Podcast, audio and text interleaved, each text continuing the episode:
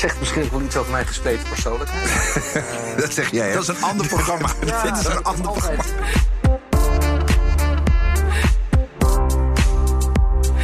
Ik ben Jurgen Rijman. En ik ben Benita Doel. Welkom bij een nieuwe aflevering van Wij in de Toekomst. De podcastserie waarbij we mensen uit het looprad van de werkweek willen halen en de knop om laten zetten.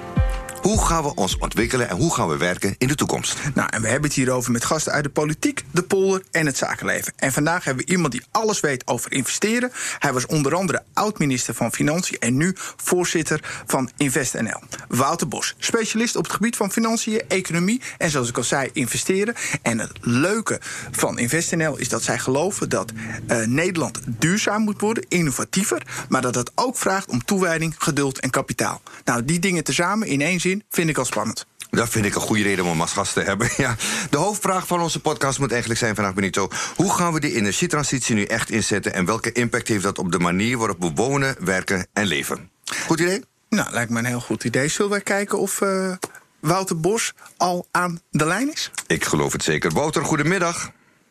Goedemiddag. Ja, hoe is het met je? Uitstekend, dankjewel. Ja, ben je een beetje goed door de coronatijd gekomen? Nou, zoals voor de meeste mensen was het ook voor mij wennen. Vooral eh, de combinatie met eh, thuisonderwijs. Hè, die kinderen, we hadden opeens drie kinderen om ons heen... en dan twee werkende ouders en een haperende wifi. En dan moet je ook nog proberen eh, te, te, te snappen... hoe rekensommen eh, in groep 7 van de basisschool ook weer uitgelegd worden op school. En, nou ja, dat, dat, dat, daar had ik ook zeg maar mijn, mijn eigen leercurve en, en aanpassingstijd. maar het is allemaal goed gekomen. Nou, goed zo. Wouter, is het jou opgevallen dat ze tegenwoordig ervoor kiezen... de simpelste sommen ontzettend ingewikkeld aan te leren aan onze kinderen? Ja, volgens mij is dat, dat is puur omdat je het anders gewend bent. Hè? Maar ik, ik heb echt af en toe moeten wetten. En, en, en, en ik heb geleerd om eerst, e- eerst even goed na te gaan hoe ze het leren op school. En dan toch maar proberen ook op die manier uit te leggen. Ja. Want voor je het weet eh, ga je met je, de manier waarop je het zelf eh, 50 jaar geleden geleerd hebt aan de slag. En dat is voor die arme jongen niet goed. Ja, dat is meer dan verwarrend. Wouter, wij hebben een, eh, een vaste vraag... waar we eigenlijk eh, iedere podcast mee beginnen. En die zou ik je graag willen voorleggen. Van welk werkgerelateerd onderwerp lig jij op dit moment wakker? Niets.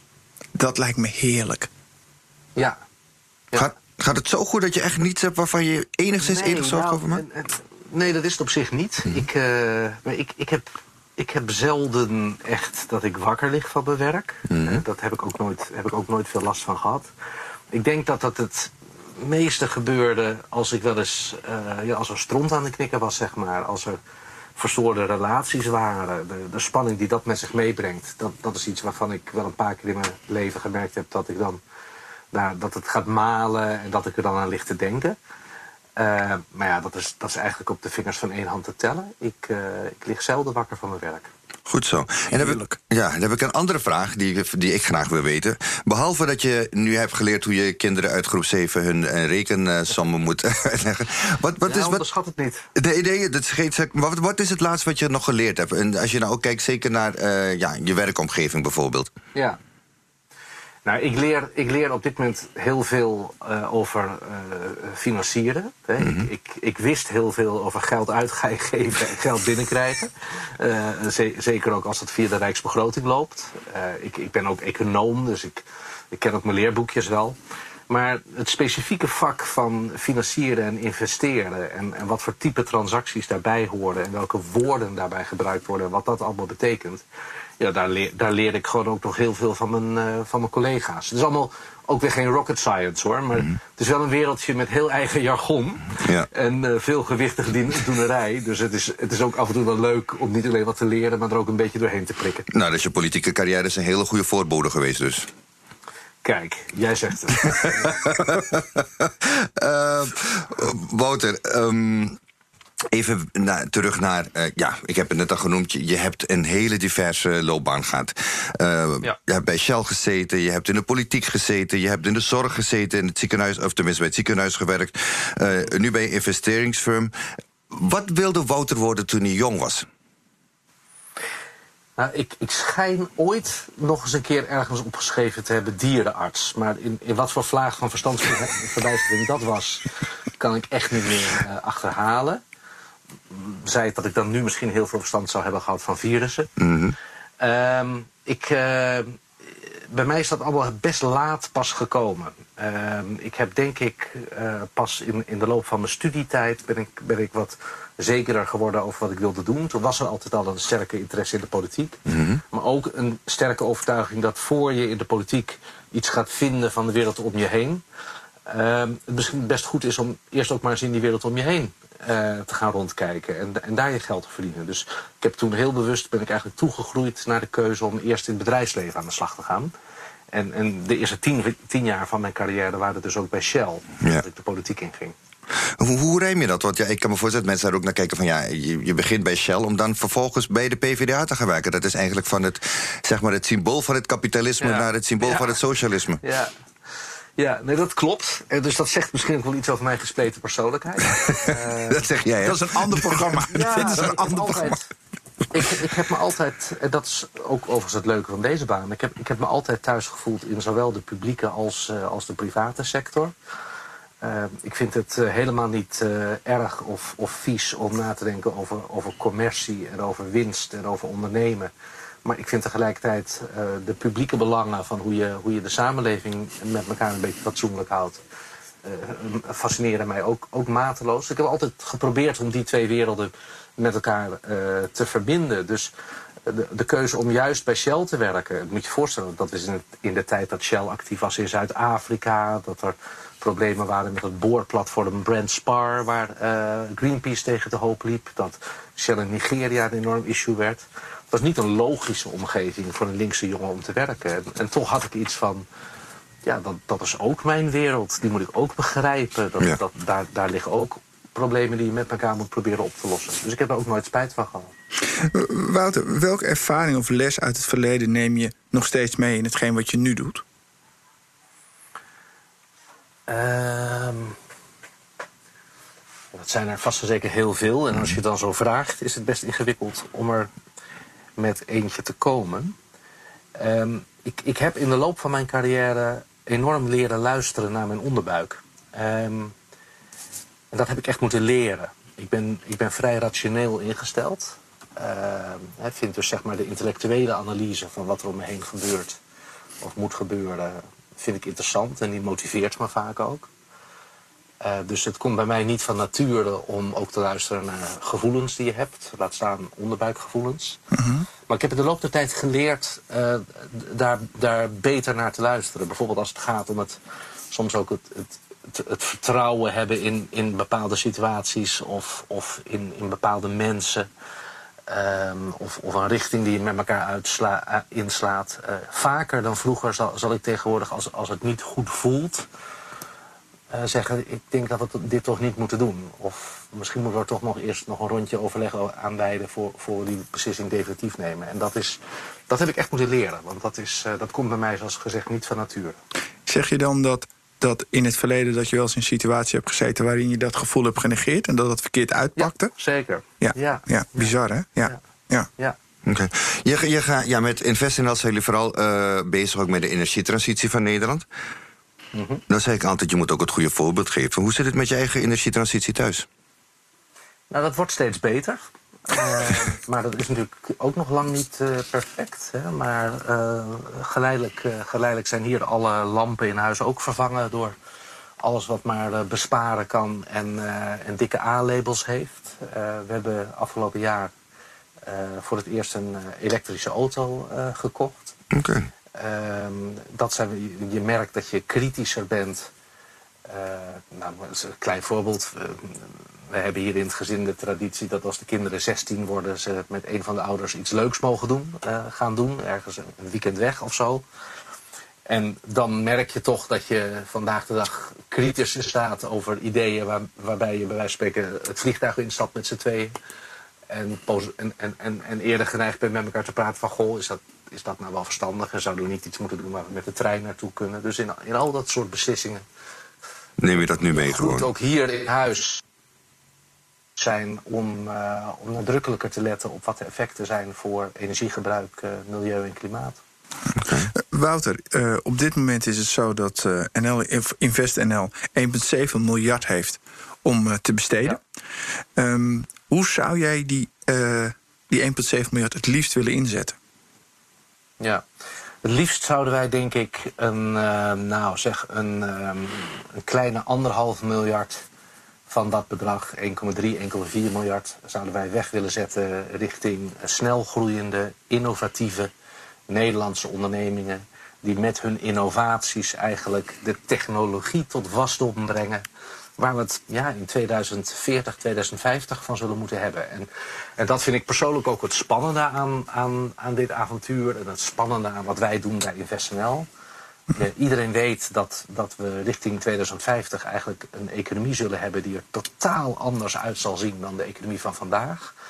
Denk aan circulariteit, het hergebruik van alle, alle stoffen die je, die, die je gebruikt in je productieprocessen. Denk aan het, het eh, CO2-neutraal maken van, van je economie, al dat soort zaken. En eigenlijk kennen we de technologieën nog niet die, die dat mogelijk moeten maken. Mhm. en, en, en wat je wel weet, is dat het zo lang duurt voor je een technologie tot wasdom hebt gebracht en, en zeg maar op marktschaal ook uh, commercialiseerbaar weet te maken, dat je nu al moet beginnen met het spotten van die ondernemers. Of soms het spotten van die Willy Wortels. Ja. Die, uh, die aan die technologie werken. En dat zijn mensen die nu geld nodig hebben. Die nu gefinancierd moeten worden. En dat zijn, dat zijn de mensen die wij, die wij willen, willen vinden. En die wij willen helpen. En uh, ons streven is om van die 1,7 echt zo'n 1,3, 1,4 uh, die richting uit te sluizen. En dan houden we ook nog steeds een heleboel geld over om ook richting ander type innovaties uh, zinnige investeringen te doen. Nou, je zei net, je kijkt naar de Willy Wortels van deze wereld, die, uh, hoe, weet je, die we nodig hebben om die transitie bijvoorbeeld door te stemmen, of die de, nieuwe, die de innovatie vooral uh, teweeg moeten brengen. Nou weten we ook zo dat het vaak de Willy Wortels gezien worden als een beetje gekken. dat zijn de mensen ja. die ideeën hebben waarvan je denkt, ja, hoe kom je hier in godsnaam op? nou, vaak blijken ja. ze ook dan gek te zijn, maar je hebt ook sommigen ertussen die een idee hebben waarvan we misschien over twintig jaar zeggen, wauw, dat hij dat toen al had bedacht. Ja. Hoe, hoe, schif, hoe, maak je die schifting tussen, tussen de, de werkelijke Willy Wortels en, en de mafketels ja. ertussen? Ja, nou ja, ten eerste, dat is dus wel een van de leuke dingen hè, van mm dit werk. Uh, want de, de grens, de scheidslijn tussen, tussen genie en gek, dat is een heel dun lijntje soms. En wij worden natuurlijk ook overstroomd af en toe met brieven van mensen die echt menen zeker te weten dat ze de allesomvattende uitvinding gedaan hebben waarmee elk probleem opgelost kan worden. Ja.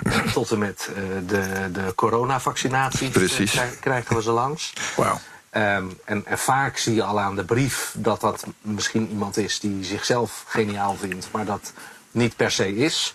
He, dat, zijn, dat zijn de brieven in vijf verschillende lettertypes, heel veel hoofdletters en onderstrepingen. Ja. En liefst ook nog verschillende kleuren. En een enorme name-dropping van bij wie ze wel niet allemaal al lang zijn ja, geweest. Elke persoonlijkheid doet zijn eigen verhalen in één brief. Ja, van het miskende genie. Hè. Dus je ontwikkelt wel een zekere routine om die eruit te halen. Maar ja, echt geniale uh, uh, uitvinders, ondernemers, daar zit natuurlijk ook vaak iets heel nonconformistisch aan. Iets, iets tegen de stroom in en, en dwarsdenkerigs. Dus je moet, je moet iets ook niet te snel tot gekkigheid verklaren. En kijk, wat wij zelf een heel belangrijk criterium vinden, twee criteria vinden om, om zeg maar, het genie van de gek te onderscheiden, is ten eerste. Um, als je te maken hebt met iemand die alles eerder een keer succesvol is geweest, dat is een ongelooflijk belangrijke indicator. Mm -hmm. Serieus iemand te pakken hebt. Uh, het is door, door, door de wereld van, van start-ups en scale-ups is, is dat een, een bekend gegeven. Uh, je financiert vaak eerder, eerder de, uh, de, de, de vent dan de tent. Ja. En, ja. en vent, vrouw ook uiteraard. En als, als iemand heeft laten zien dat al een keer eerder in zijn professional leven... dat hij snapt wat, wat investeren, ontwikkelen, uitvinden en op schaal brengen... wat dat eigenlijk is, dan, dan is, dat, is dat heel belangrijk. Dus daar kijken we sterk naar. En het tweede wat voor ons ook heel belangrijk is... Uh, is, uh, kijk, als wij niet de enige zijn die denken... nou, dit zou wel eens wat kunnen zijn. Maar als er ook andere partijen zijn die zeggen... nou, dit zou wel eens wat kunnen zijn. En als dat partijen zijn die, die, die ervaring hebben... en die een markt snappen of, of, een, of een technologie snappen... Ja, dan, dan helpt ons dat ook. Hè. Als je een uh, financieringsaanvraag voorgeschoteld krijgt... waar werkelijk niemand zijn geld in wil steken... Ja. dan moet je, toch, moet je toch echt ook afvragen waarom dat is. Uh, en, of, uh, en, en, en, maar zo gauw, er, zo gauw er partijen zijn die zeggen... ja, we willen best meedoen, maar echt niet voor het hele bedrag... want dat wordt te riskant... dan wordt het interessant voor ons om mee te doen. Uh, onlangs is het Vols uh, gelanceerd en er liggen nu uh, waarschijnlijk tig aanvragen bij jullie. Maar hebben jullie al een, een, een ja. successtory? En, en, en waarom kwamen jullie al wel voor corona met dit verhaal naar buiten? Was het niet verstandig geweest om met een succesverhaal de markt te betreden? Ja, nou, eerst, eerste, eerst je eerste vraag. Mm. Hebben, we, hebben we al uh, successen te melden? Uh, ik, ik, hoop dat uh, op het moment dat deze podcast naar buiten komt... ook het eerste, de eerste succesvolle financiering van InvestNL naar buiten komt. Want in ieder geval van onze kant zijn alle daarvoor benodigde documenten getekend en beslissingen genomen. Dus, kan je een tipje van de sluier oplichten waar we aan kunnen denken? Nou, innovatief, innovatief uh, Nederlands bedrijf in, uh, in de sector van, van life sciences. Uh, hoogtechnologisch gehalte. Hebben, hebben 10 miljoen nodig, waarvan wij er 4 miljoen kunnen doen. En andere partijen ook bereid zijn hun deel te doen. dat is, na het zich op het moment dat dit, wordt opgenomen, na het zich laat aanzien, de eerste deal waarmee we naar, naar buiten zullen komen. Dus prachtig, prachtige innovatie en, en, en, hoort echt goed bij ons. En zit niet eens dus in de sfeer van de energietransitie. En dat heeft te maken met het feit dat toen het coronavirus uitbrak... Uh, we tegen elkaar gezegd hebben, ja, we blijven natuurlijk vooral geïnteresseerd in de energietransitie. Maar er komen op dit moment zoveel meer innovatieve, snelgroeiende bedrijven in de problemen. We zullen tijdelijk uh, de deur even wat wijder open moeten zetten... om ook andere bedrijven die kapitaal nodig hebben... en waar sprake is van een hoog risico, zo hoog risico... dat de markt het niet zijn eentje durft... Uh, we zullen de deur ook even open moeten zetten voor die bedrijven. En daar is dit een, uh, een eerste voorbeeld van. Ja, want je wil niet alleen financieel... Op, op je eerste vraag... Ja? Of... Ga door. Ja, nou ja, de andere vraag die jullie stelden was... Um, ben je niet te vroeg naar buiten gekomen. Ja, Heb je eigenlijk niet moeten wachten op je eerste succes. Dat is inderdaad voor ons wel een dilemma geweest. We zijn nog steeds, vinden we zelf in ieder geval, vrij bescheiden in, in onze manifestaties naar buiten toe. Omdat we ook iets hebben, je kunt niet, niet een al te grote broek aantrekken als je nog niks hebt laten zien. Maar er was voor ons nog een ander probleem. En dat is natuurlijk dat de ontstaansgeschiedenis van InvestNL is ook met zoveel um, um, rumoer gepaard gegaan. In de zin van kamerdebatten ja. en, en, politici die zich erover uitspraken. En berichten in media. En uh, dat, dat er, er zijn ook een heleboel verwachtingen ontstaan over uh, InvestNL. En op een gegeven moment was dat zelfs zo erg dat het beeld was ontstaan van ja. Als je, met, als je als ondernemer met een slecht plan uh, nergens geld krijgt, dan kun je het in ieder geval nog altijd bij uh, InvestNL, InvestNL proberen. Ja. ja. ja dat, ja, dat kan niet de bedoeling, want dan wordt je het afvoerputje van de, van de, invest, van de investeerzoekers. Ja. Precies, hè? en wij zijn wel een, een, een, gewoon professionele club. Onze, onze aandeelhouder wil ook wel iets van zijn geld terugzien op termijn. Ja. Dus we hebben er wel voor gekozen om die verwachting meteen vanaf het begin van ons bestaan tegen te spreken. En helder te maken waar we wel uh, mee bezig gaan en, uh, en, wat we niet gaan doen. Ja. En dan zie je toch dat ondertussen de wereld verandert. En je dat af en toe moet bijstellen, zoals bij corona. En dat hebben we dus ook gedaan. Ja. Want jullie niet alleen financiële impact maken, maar ook andere impact. hoe maak je het inzichtelijk? Ik, hoe ziet jouw model eruit van impact ja. meten? Ja. Ja, als ik, als, ik, als ik je vraag mag herformuleren. Hè, je zegt, uh, jullie willen niet alleen financiële impact maken, maar ook andere impact. Uh, zelf uh, proberen, zeggen wij meestal, het gaat ons echt uiteindelijk om, om die maatschappelijke impact. het gaat ons om, om impact van, van een investering die niet altijd in financieel rendement is uit te drukken. en dat is ook onderscheidend ten opzichte van andere investeerders. Er zijn wel meer investeerders die met risicokapitaal werken. Maar dat zijn vaak uh, investeerders die tegenover een heel hoog risico wat ze nemen... ook een heel hoog rendement willen zien als het goed gaat. Ja. Uh, denk, denk bijvoorbeeld aan de wereld van medicijnontwikkeling. Dat is, dat is typisch zo'n wereld waar, waar je dat fenomeen ziet. Daar wordt veel risico genomen, maar er staan ook enorme rendementen tegenover. Uh, wij zeggen, wij zijn bereid heel veel risico te nemen... maar voor ons stelt het maatschappelijk rendement. We hebben een aandeelhouder die echt wel uiteindelijk een plusje wil zien... Maar weet de overheid? 2% is waarschijnlijk ook goed. En, ja, de overheid. En niet, niet de 20% die je in, in de private sector uh, ziet. Nou, dat, dat onderscheidt ons. En dat betekent ook dat het bij ons vaker mis mag gaan met een investering uh, dan, dan bij anderen. En dat we echt ons kunnen focussen op die maatschappelijke impact. Hoe je die dan definieert en hoe je die meet... Daar zijn we natuurlijk ook volop mee bezig. Maar we hebben eigenlijk vanaf het begin gezegd... daar zitten in ieder geval drie elementen in. Eén uh, daarvan is de CO2-reductie die we met elkaar tot stand brengen. Ehm, tweede is uh, de uh, werkgelegenheid die tot stand gebracht wordt. Um, en het derde is ja, de innovatie die ermee bevorderd wordt. Wat je bij een heleboel bedrijven dan weer af kunt lezen, bijvoorbeeld aan de budgetten die ze besteden aan research en development. Ja. Hoe, hoe ga je om met, met, met de beeldvorming? Uh, want jullie beheren een behoorlijke pot met geld. In investeringsland valt dat wel mee. Hè. Het is nog steeds natuurlijk een gigantisch uh, bedrag. Uh, maar hoe ga je om met die beeldvorming? Want we leven in een land waar we heel snel mensen framen hè, de laatste tijd. Dat is helemaal hot. Ja. Um, hoe gaan jullie daar qua PR en marketing mee om? Ja, nou, dat is ingewikkeld. zoals ik zei, we zijn in zekere zin bescheiden zolang we nog niks succesvol gefinancierd hebben. Ja. En zelfs daarna, dan kun je natuurlijk daarna kun je een iets, iets grotere broek aantrekken. Maar eh, dan moet die investering volgens ook nog wel succesvol zijn. Ja. En als je, als je vijf investeringen succesvol afgesloten hebt, maar na drie jaar liggen ze allemaal op je gat.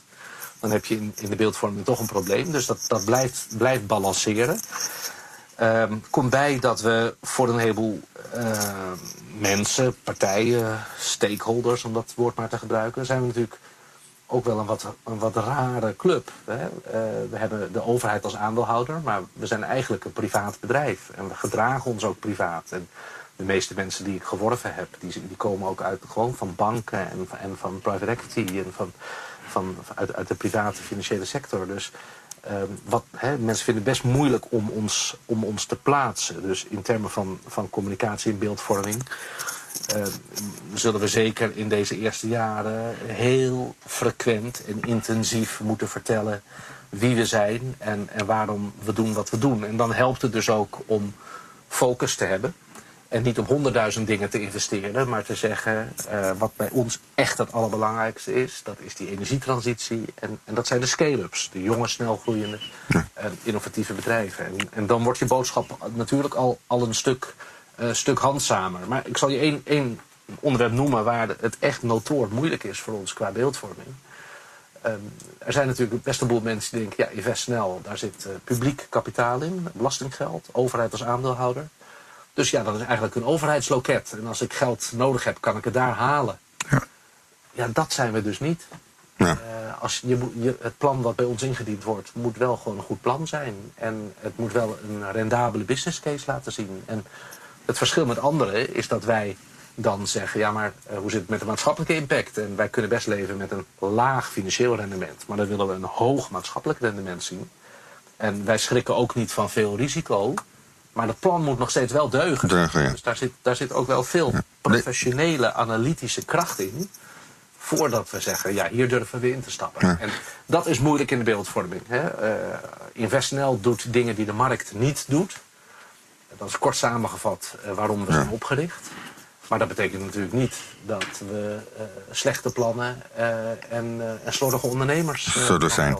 Ja, laten we even teruggaan naar de toekomst. Of, want daar, daar, daarvoor hebben we vooral ook gevraagd. Um, als je kijkt naar de energietransitie, hè, die, die, die, dat hele traject we moeten ja. gaan. Um, ja, hoe, hoe, hoe, zie jij dat voor je? Wat, wat, wat, zijn, wat, wat zijn de stappen die we moeten ondernemen om naar die, die economie van 2050 te komen?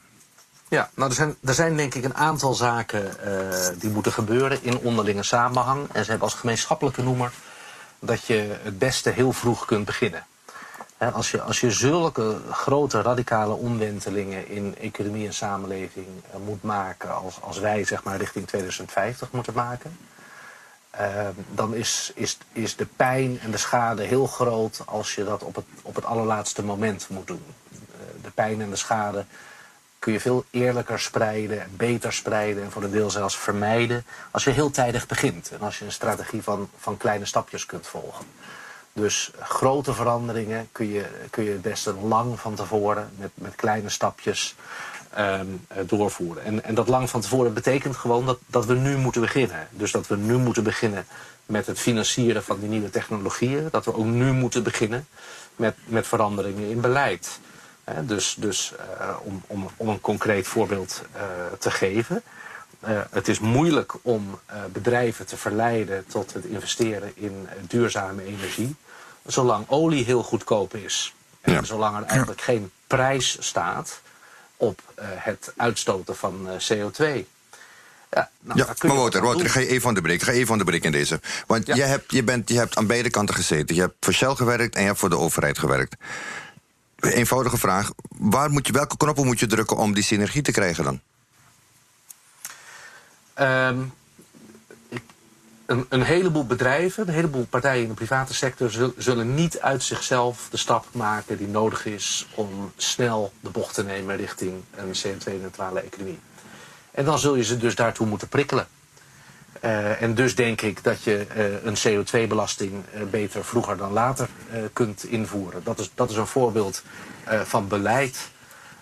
En dus zul je in wetgeving duidelijk moeten maken dat als we in dit land veel meer warmtenetten willen, wie dan eigenlijk de basis is over die warmtenetten. En, en, en weer gaat over de prijs van het transport van, van warmte. En wie de rekening betaalt als er ergens een warmtenet failliet gaat. Governance vraagstukken noemen we dat. Dus in termen van beleid en wetgeving zijn er echt hele grote vragen. Die als die niet vroegtijdig een antwoord krijgen, dan zal geen investeerder erin stappen. Dan wordt het zelfs voor een investeerder als, als, als wij zijn, die best wat risico mag nemen, wordt, wordt het ingewikkeld om anderen mee te krijgen. Dus wij zijn bereid om vroeg te investeren. Maar het helpt wel als er ook vroeg een verandering komt in termen van beleid en wetgeving. Als je naar jullie organisatie kijkt, hè, want jullie doen dingen eh, anders als de traditionele investeerders.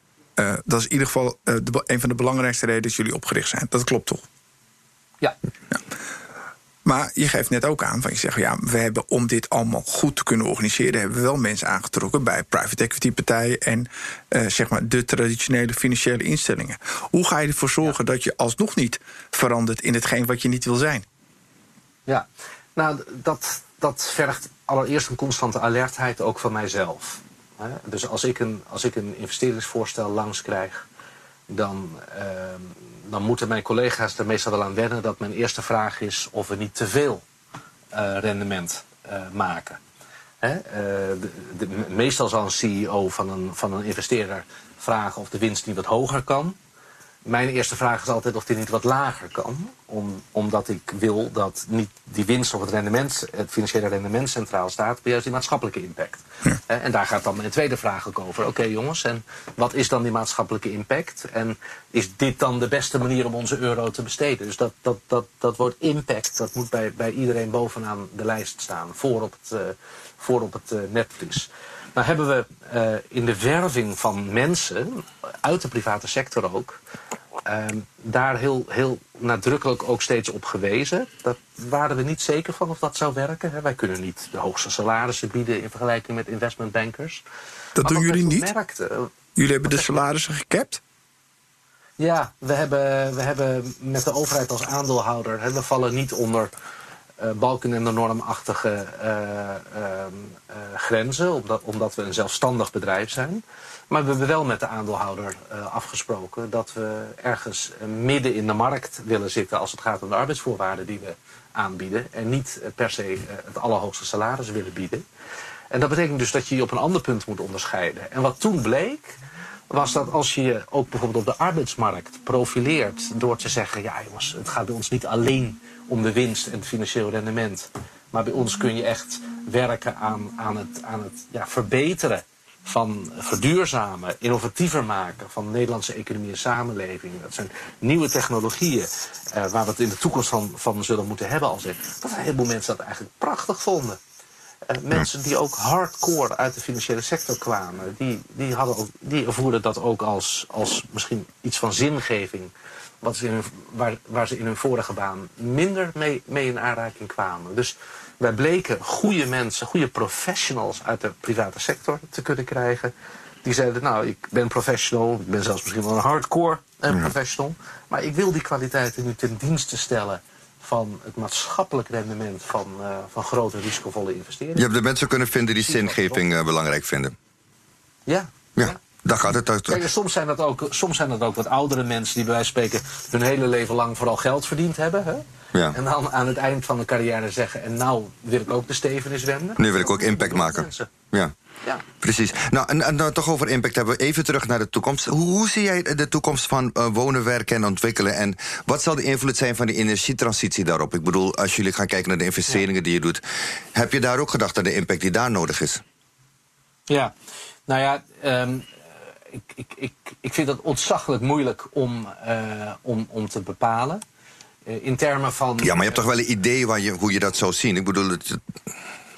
Nou het liefst zou ik nu natuurlijk gewoon ja zeggen, Jurgen. Maar uh, dan zou ik echt wel zoveel slimmer zijn dan alle andere mensen die daar ook al studies over maken. Het is echt, het is echt heel moeilijk uh, te bepalen. Maar iedereen weet dat je uiteindelijk natuurlijk een, een mengvorm nodig hebt van minder energie gebruiken, uh, duurzame energie gebruiken, ehm, enorme besparing op grondstoffen gebruiken. En als je het dan toch wel gebruikt, zorgen dat je het kunt herwinnen, et cetera. Op dat punt zie je ook fantastische technologische ontwikkelingen, waardoor veel meer mogelijk is dan, dan een aantal, aantal jaren geleden. Maar wat ik bijvoorbeeld een hele moeilijke vind om, om in te schatten is. Hebben we nou bijvoorbeeld ook een enorme vermindering van mobiliteit nodig hè, om al die doelen te halen? Of zal het volstaan dat we gewoon niet meer al die auto's op benzine en diesel laten lopen, maar dat ze allemaal elektrisch worden of misschien op waterstof gaan rijden? Kan dus bij wijze van spreken je mobiliteitsstroom hetzelfde blijven, maar op basis van andere energie. Of zul je ook echt die mobiliteitsstroom zelf moeten verminderen? Ik denk dat het antwoord op die vragen, dat, dat we dat allemaal stapsgewijs gaan, uh, gaan uitvinden. Uh, misschien ook veel kunnen leren van wat er in andere landen uh, gebeurt. Maar het is heel, heel moeilijk om, om dat nu al heel concreet te voorspellen. Op andere gebieden hebben we natuurlijk gewoon, of we, heeft de mm -hmm. overheid natuurlijk gewoon uitspraken gedaan, waardoor de, de marsroute uh, duidelijk is. Hè? Als, er, als, als, als iedereen van het gas af moet zijn, ja, dan, dan weet je wel wat er in al die miljoenen huizen allemaal, allemaal moet gaan gebeuren. Wat er allemaal aangelegd moet worden en welke technologieën daarbij horen en welke misschien nog verder ontwikkeld moeten worden. Dus het verschilt ook, het verschilt ook per terrein. Op sommige gebieden weten we nog niet goed welke richting het uitgaat. Op andere uh, gebieden is de richting duidelijk en uh, kunnen ondernemers en investeerders al, al flink concreter zijn. Ja, nou is uh, een van de speerpunten, tenminste, uh, ik sprak laatst met Mariette Hamer en uh, ze zei bij het zij, dus een van de speerpunten is een leven lang leren. Um, zie je dat, in, dat ja, InvestNL op een gegeven moment ook gaat zeggen, ja, hoe kunnen we dat stimuleren om ervoor te zorgen, in ieder geval dat die, dat die innovatie door blijft gaan, omdat je mensen ook leert dat ze zichzelf moeten blijven ontwikkelen, dat ze zichzelf moeten, opnieuw moeten blijven uitvinden. Um, is dat ook iets waar je aan gaat om te gaan investeren in de ontwikkeling van de mens? Nou, waarschijnlijk niet op, op op individueel niveau. Maar we hebben naast uh, het deel van ons bedrijf wat echt investeert, hebben we ook een deel van het bedrijf wat zich bezighoudt met wat wij dan noemen business development. En dat is wel uh, de, de club mensen waar zeg maar, het delen van kennis uh, centraal staat. Als wij nou iets leren over, over het toepassen van een bepaalde technologie op een bepaalde plek in Nederland, kunnen we dan zorgen dat alles wat we daar leren ook terechtkomt op al die andere plekken in Nederland waar men eigenlijk met hetzelfde probleem bezig is. En een heleboel van de problemen die je in de energietransitie voor je kiezen krijgt, zijn problemen die niet uniek zijn voor één plek in Nederland, maar die je overal mee gaat maken. He, uh, kun je een hele woonwijk aansluiten op uh, geothermie of op aquathermie? En welke problemen kom je dan tegen? En welke partij wil dat wel financieren en welke niet? En hoe regel je dat een beetje netjes met elkaar? Nou, wij zijn nu in, in een tweetal regio's in Nederland dat samen met gemeenten en warmtebedrijven aan het uitvinden. En alles wat we daar leren gaan we natuurlijk delen met iedereen die daar in de rest van Nederland ook mee bezig is. Dus in die, in die sfeer proberen we wel degelijk een rol te spelen bij ja, het, het verspreiden en delen van kennis. kennis. Mogelijk maken van constant leren. Ja. Ja, nu is het zo dat natuurlijk niet alle uh, ondernemers uh, in aanmerking komen voor een investering. Want jullie hebben gezegd de poort staat op minimaal 5 miljoen, maar je hebt de poort iets ja. verder opengezet, gaf je aan? Nou, welke concrete tips heb je voor ondernemers die wel een bijdrage willen doen aan een innovatief Nederland en aan een duurzaam Nederland, maar niet direct in aanmerking komen voor investeringen? Bij ons, hè? Ja. -hmm. ja. Nou ja, we, kijk, wij hebben destijds gezegd: vanaf 5 miljoen is, is het logisch dat wij aan de bak gaan en daaronder misschien wat minder. En nu in tijden van corona gaan we daar inderdaad wat soepeler mee om zien we dat we al, al vanaf 2 miljoen betrokken worden. Maar een van de redenen waarom we dat gedaan hebben... is dat in de Tweede Kamer en in de Eerste Kamer... toen wij werden opgericht, is gezegd... ja, het is eigenlijk heel uitzonderlijk dat de overheid zijn eigen bedrijf opricht... om iets te doen wat in de markt ook al gebeurt. Want in de markt heb je al genoeg venture capitalists en private equity en banken en fondsen. Waarom moet daar dan nog een InvestNL bij? Dus in dat debat werd op een gegeven moment de eis geformuleerd... ja, InvestNL moet dan dus ook eigenlijk alleen maar aan de bak... als die andere partijen het niet doen. Of het Ja. niet willen doen, of het niet kunnen doen. En als je nou kijkt naar die kleinere bedragen... dan zie je dat er eigenlijk best veel anderen in de markt zijn... die al veel kunnen doen. En één daarvan is, wij hebben een heleboel broertjes en zusjes eh, in het land. En dat, die heten de regionale ontwikkelingsmaatschappijen. eh, de ROMS. Eh, en die, die hebben juist als harde kern van hun business... om bij wijze van spreken tussen, tussen de 0 en de 3 miljoen... soms oplopen tot 5 zaken te doen. Dus die zijn gewend met kleinere ondernemers en kleinere bedragen eh, te werken. Ja, als zij dat doen, en dat doen ze goed... dan hebben, moeten, moeten wij ons niet op die markt gaan, eh, gaan begeven. En zo zijn er, zijn, er, zijn er nog wel. Hè. Er zijn ook, ook familiefondsen, om, om maar eens wat te noemen. Eh, die ook best bereid zijn om juist in, in, in, bij die kleinere ondernemers en, en die kleinere bedragen te investeren. Maar Dus eigenlijk- Crowdfunding in die wereld. Dus daar zijn wij niet per se nodig. Maar het is toch eigenlijk best wel bijzonder dat. eh, kijk, ik ben blij dat eh InvestNL er is. Maar eigenlijk lopen we een beetje achter de feiten aan. Als we kijken naar andere landen, die hebben al Ja. veel eerder zijn die hiermee gestart. En daar liggen enorme succesverhalen aan ten grondslag. Waarom Ja. beginnen we nu pas? En als er iemand dan mee begint. Kiezen er ook nog voor diegene zo kritisch te benaderen dat, het, dat de zuurstof in de ruimte ja, ook eh, behoorlijk afneemt. Ja, jij zegt het. Ehm, dat, eh, dat gevoel overvalt ons natuurlijk ook wel eens. Eh, ik, ik, mijn eigen analyse is dat we hebben ooit in de jaren, ik denk dat het jaren 70 of jaren 80 was, hebben we een parlementaire enquête in Nederland gehad naar de ondergang van het RSV-concern. De Ja. Rijnsgelder voor Olmen, scheepsbouw. En eh, een van de redenen dat eh, dat hele grote concern omviel, was de conclusie uit de parlementaire enquête, was dat de overheid zich eh, financieel er, er, er diep ingegraven had in dat concern. En dat dat eigenlijk leidde tot een opeenvolging van foute beslissingen. Omdat de overheid helemaal niet zakelijk kan zijn en dat soort dingen aan de markt over moet laten. Ehm, ik denk dat die enquête, ja, jaren 80 denk ik, hele diepe littekens heeft veroorzaakt in het Nederlandse industriebeleid. Waardoor eh, gewoon 20, 30 jaar lang daarna eh, in Nederland heel kritisch gekeken werd op het moment dat de overheid zei... misschien moet ik me toch maar met de industrie bemoeien of met wat er in de markt gebeurt. Ja, maar dat is een hele interessante, want dit staat haaks op de ondernemersgedachte. De ondernemersgedachte is, ja, we, we beginnen een laboratorium, eh, dat brandt af. Wat hebben we geleerd? We gaan hem nu opnieuw bouwen en deze keer lukt het wel. Je moet ook je leercurves kunnen pakken, ook als overheid. Ja, dat is juist. En, en dat heeft hier kennelijk knap lang geduurd. Ja. Eh, en, ehm, eh, en Nederland is inderdaad een van de laatste landen die dit nu eh, doen. Ehm, als je kijkt, maar goed, elk land heeft ook zijn eigen geschiedenis. Hè? We, we hebben laatst een, een uitgebreide kennismaking gehad met onze Duitse broer. Nou, dat is echt een grote broer. Die, Ja. die, die heeft, geloof ik, 700 miljard eh, uitstaan. Dan komen wij met onze 1,7. Ehm, maar dat is dus ook een club die al van vlak na de Tweede Wereldoorlog dateert. En die ook gewoon in het opbouwen van de Duitse economie een hele grote rol gespeeld heeft. Ehm, en als, als wij met Fransen of Italianen praten over, over eh, on- ons type instelling, ja, dan, dan heb je landen waar sowieso eh, staatssteun en de overheid die zich mengt in het economisch verkeer totaal niet eh, ideologisch beladen is. En waar men al veel langer een historie kent van dat dat normaal is en dat dat oké is. Dus eh, het, he- het heeft hier om, om al die redenen inderdaad allemaal wat, eh, wat langer geduurd. Ja. Ehm, even eh, als we kijken, het is duidelijk dat investeren, als ik zo naar je luister, dat we ook anders naar investeren moeten kijken om, eh, als we de toekomst sustainable willen blijven. Maar wat zouden we anders moeten doen op het gebied van werken eh, om de economie van morgen, zeg maar, in stand te houden? Oeh, dat is een ingewikkelde. Ehm Ja, we gaan direct voor de oplossingen, Wouter. Ja. Die verkopen we ook door na de uitzending. nou ja, ik ga, er, ik ga ervan uit, hè, maar dat, dat is bijna een cliché inmiddels. eh, dat eh, op, het, op, het, op het gebied van mobiliteit en, en op het gebied van eh, werken en misschien ook op het gebied van zorg. we door de nood gedwongen tijdens de coronacrisis een heleboel dingen zijn gaan doen. Waar we nu niet meteen mee moeten gaan ophouden als de coronacrisis voorbij is. Eh, In, in de zorg was er, was er enorme huiver om met digitale innovaties eh, te gaan werken. Het idee dat je toch eh, de arts recht in de ogen moet kijken en dat je er naartoe moet, dat was echt dominant.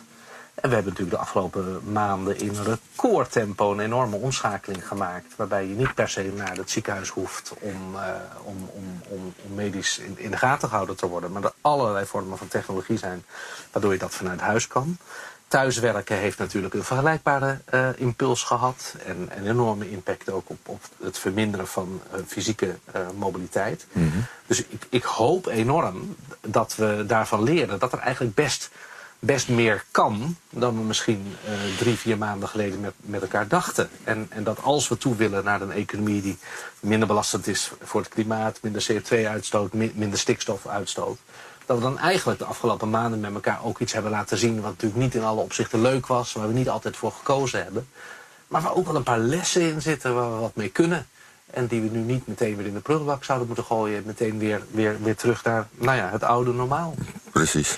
Op de, op de website van uh, InvestNL uh, uh, staat de, dat jullie morgen mogelijk maken. Um, wat ben jij bereid toe te zeggen aan ondernemend Nederland als het gaat over die toezegging? Van, van hoe uh, gaan jullie dat doen? Heel concreet. Hoe kan je ons motiveren om jullie te blijven bestoken met innovaties en ideeën? Uh, uh, wat kan je ons toezeggen? En kan je ons ook misschien iets meer vertellen over de successen van de komende periode? Nou ja, wat ik, wat ik richting ondernemers zeg, en, en met name als ze in, met innovaties bezig zijn die een bijdrage kunnen leveren aan, aan de energietransitie. Uh, en, en als ze al één of twee anderen gevonden hebben die daar ook best hun steentje aan, uh, aan bij willen dragen, maar ze het plaatje niet rondkrijgen, terwijl er wel een goed plan onder ligt, dan zeg ik, dan ben je echt bij ons aan het goede adres. Ga dan naar de website van www.investnl.nl. vul daar de quickscan in, dan, dan krijg je, als, als je echt dat goede plan hebt en je zit midden in die wereld, van, van innovaties en energietransitie. Maar je krijgt het financieel niet rond terwijl het wel rendabel is. Dan zijn wij niet degene die, die moeilijk gaan doen over het hoge risico. Dan zijn wij juist degene die zeggen, nou, nu wordt het interessant. Nu willen we graag, graag meedoen.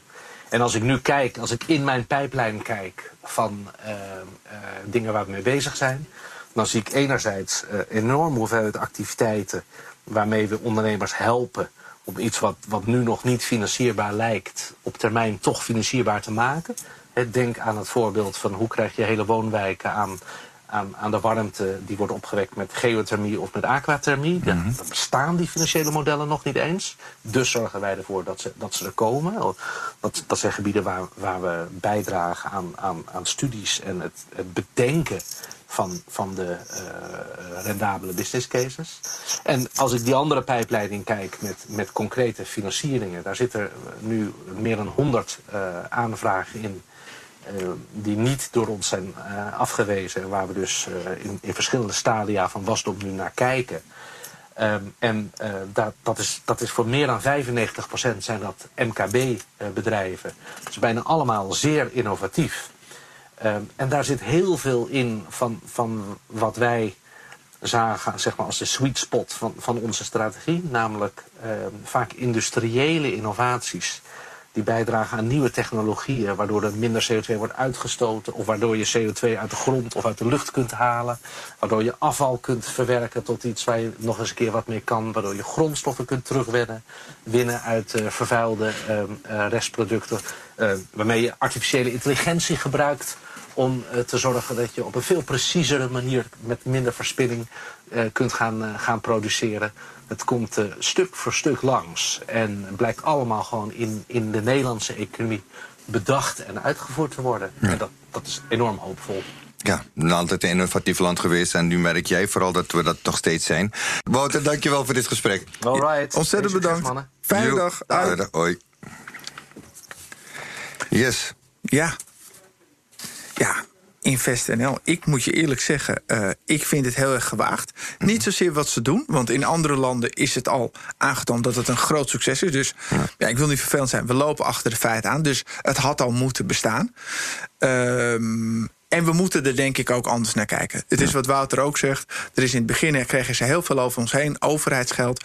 Maar in andere landen neem Israël, is dit booming. Nou, je hoort al wat ze zeggen over Duitsland. 700 miljard. maar die zijn al na de oorlog begonnen, dus dat fonds gaat groeien. Uh, ja, het is, weet je wat, wat, ik, wat, wat hij zei, wat mij vooral, is dat we eigenlijk gewoon nu al moeten beginnen. Als we die economie van 2050 uh, willen bereiken, moeten nu al beginnen. En we hebben toch altijd een beetje het idee in Nederland dat we dingen 5 voor 12 doen.